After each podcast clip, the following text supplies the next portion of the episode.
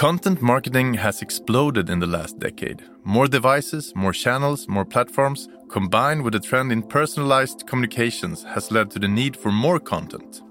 Schibsted Partner Studio in Oslo and Schibsted Brand Studio in Stockholm have had a remarkable growth.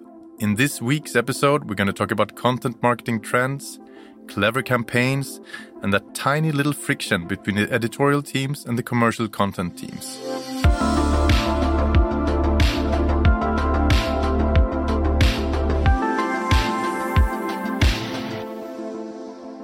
The headline for this episode is Content is King. But is it really? I asked Lotta Kjellin Törnqvist, creative manager at Schibsted Brand Studio in Stockholm. Well, I think so. And I would say that having a content strategy is crucial to all brands. But the outcome of that strategy depends on what industry you're in, what products you offer to your customers. But brands today need to work harder to build relationships with their audience and find ways to share their values to create a positive attitude, not only towards your products, but also for the brand as a whole. And you also need to attract customers by sharing a story. And every brand has one or more. It just needs to be told in the right way. What can content marketing do that ordinary advertising can't? Michaela Folkestad, CEO at Schibsted Partner Studio in Oslo. Well, we say that content is king, but when it comes to to Schibsted Partner Studio and content in Schibsted, distribution is queen. So we make content that is adjusted to the channel that we want to distribute it in. And I think that is what our competitive advantage is. We're really good at pull marketing. So we need to make the content really relevant, interesting, engaging, interactive for the target group to want to click it and want to consume the advertising. Whereas a lot of other advertising formats are a bit more push and you can see the message, but you don't really choose to see the message. So I think that's the biggest difference. And we can see that in the numbers as, as well. So, which campaigns are they most proud of? We create campaigns for more than 300 brands a year. So that makes it hard to choose just one favorite. But we do have an amazing and award winning campaign that we created in collaboration with Drum and OMD for Renault Zoe. Drum came up with the idea of building a story on electric cars, uh, but not on the given topic addressing environmental issues. Instead, Drum chose to talk about noise and how noise affects our health. So they named the campaign The City of Silence, and Schibsted Brand Studio worked on this idea, building a creative content solution spreading from text, video to audio all presented like in a visual design that made user experience extraordinary. So in 2020, the City of Silence won both Campaign of the Year at Årets Dagstidning by TU and Best Use of Text in the international competition arranged by Native Advertising Institute. Michaela Folkestad. One campaign that I'm really proud of from 2021 is uh, one that we did for the Norwegian Directorate of Health they saw that it was quite challenging to reach different minority groups in the Norwegian society. And they came to us for help. And together with the, our customer and the, the agency, we created a really, really important and strong campaign that was written in six different languages. So we wrote the content piece in Norwegian and then we translated it to different languages such as Polish, English, Somali, Arabic. And that was to reach these groups that was quite hard to reach with the important information about social distancing. A client comes to you and asks for your help. What happens next? Describe your process. Usually, we get a brief with uh, some background information, KPIs, budget. Creative managers, such as myself, puts a team together to work on the idea, look at what formats would be best, and what distribution alternatives we could use to make sure everything also stays within budget. So, teams often include a client manager, insights, and a creative editor. And we also collaborate with the editorial teams from the publications and brands within the Schibsted ecosystem and their commercial teams as well. So we often pitch as a team, not only the representative, the client manager. We believe that a team creates dynamic and also shows the client that we value their brief and their campaign. So we usually start with some sort of insight, background, try to figure out who's the target group, what is the best way to reach them, what channels should we use within Schibsted to reach these people. And then we have really, really good content producers and project managers, and they uh, try to figure out the best angle to to reach these people. And we have a lot of people that are previous journalists, so they're really good at using that journalistic angle when they try to figure out what kind of titles and message they want to convey and also what kind of cases they want in the articles to make it real and authentic.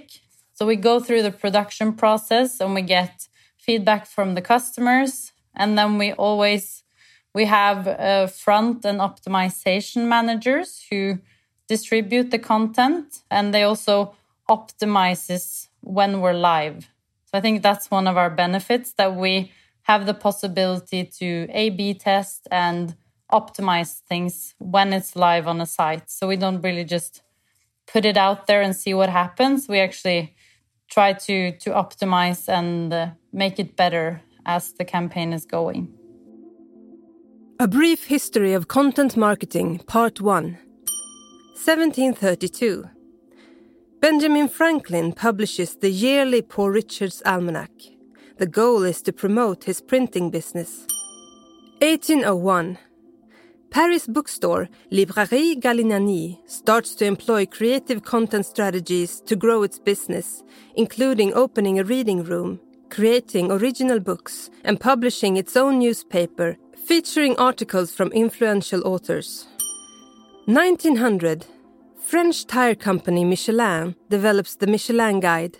The 400 page guide, with its iconic red cover, helps drivers maintain their cars and find decent lodging when traveling. So, how do you recruit journalists to work with content marketing? There's actually a, quite a variation. Some of them come from breaking news desks or from inside the house, actually, and some of them are recruited from other media houses. I think that they have to have like a special interest maybe of creating content that is commercially directed instead of the editorial news feed.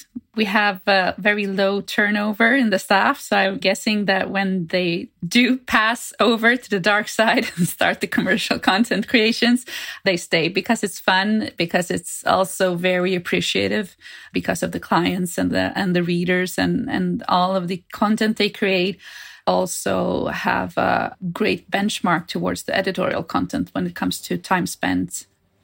So, do you get that dark side comment a lot? I've always been on the commercial side, but the journalists, we usually just joke about that because there's also like a traditional way of looking at the traditional journalist and the commercial writer that I would say has been less talked about in the past few years the integrity, of course, of being in journalists is is important. But our, all of the editors that we have are great journalists and and amazing colleagues. How do you secure that the content has the highest quality? From the beginning, we've had one goal, which is a bit uh, cheesy, I guess, but we've had one goal of being um, as good as the editorial teams or better. So we really want to make content that really matters. So we we A/B test a lot, we measure a lot, and we have a lot of data that we can use in order to improve our content as we go along.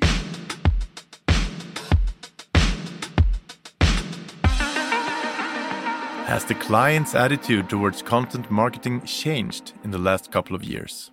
I would definitely say so. When I started selling or talking about native advertising, like in 2014 or 2015, clients compared a native to a display ad and thought, of course, that it was way too expensive to pay the price of just getting an article uh, on any site. But I think that that attitude has definitely changed.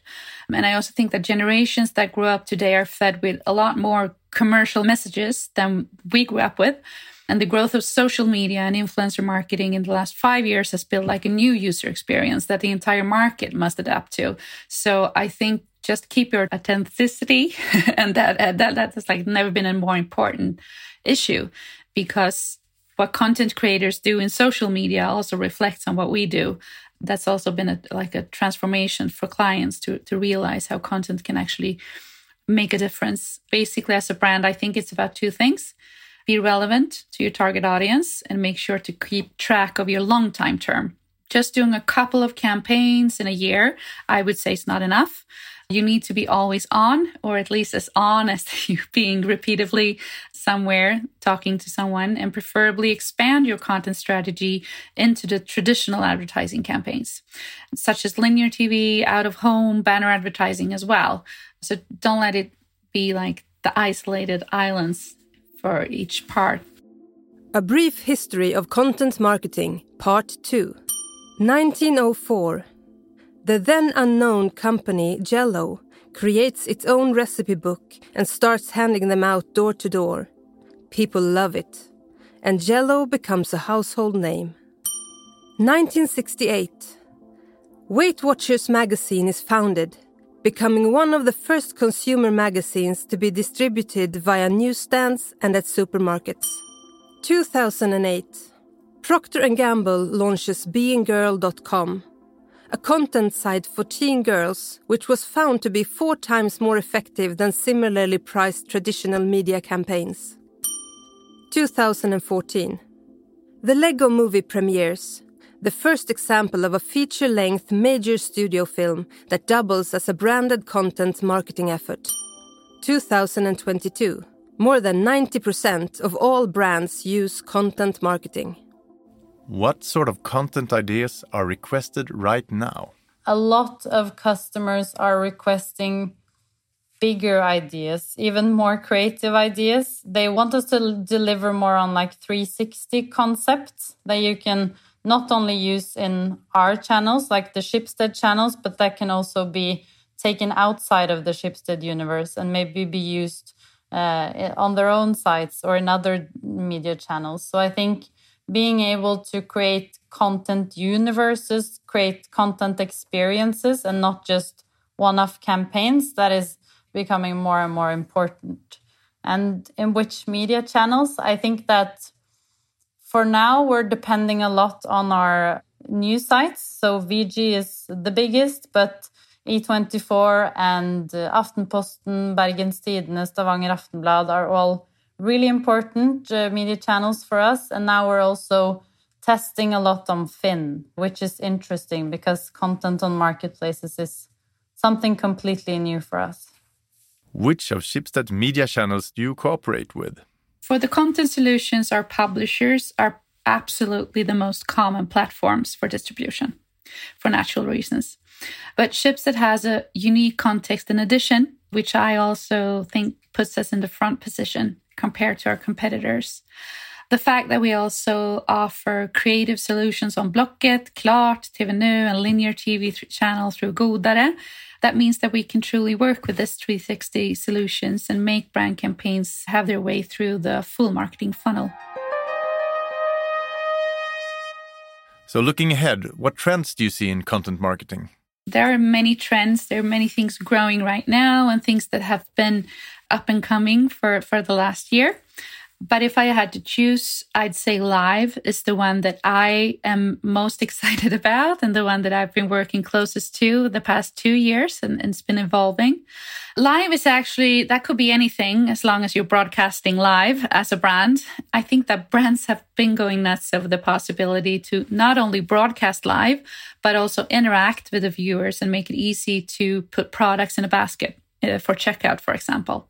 So one of the main players for the live scene is Bambuser, uh, who's leading the way today. But there are so many solutions to live broadcast today on the market. So any brand basically could do a successful live broadcast at a pretty low cost, regardless of the previous experience. I mean, there's YouTube Live, you have live on your social media platforms, you could actually do live on your own website.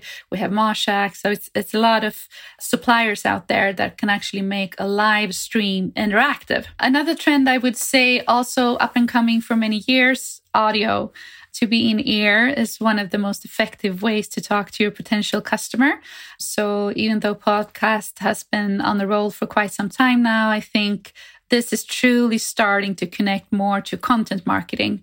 So instead of the traditional airtime ad, you could actually go through the host or the influencer, the profile hosting, or you could just talk about content in itself uh, connecting back to the content of the podcast. So I think it, it's uh, it's key that you also think about what do you want to say to whom before you start planning to expand your podcast uh, or your audio strategy. Michaela Folkestad. Personalization is one of them. Personalization is using data to our advantage to create a bit more tailor made experiences for people so that we can reach the right consumers with the right uh, content. So, for example, uh, using data when we distribute the content. So instead of just distributing on the front of VG, our biggest newspaper, we can find a bit more niche places where we can distribute that content and make it really, really relevant for the people uh, that are consuming it. Lotta Kjellin Törnqvist emphasizes the importance of context and personalization. We know that the match between the recipient's interest and the commercial ad affects the effect in a huge way. So we have studies that actually show that ads that are placed next to relevant editorial contents has a 48% increase in attention and are looked at twice as long compared to ad shows randomly.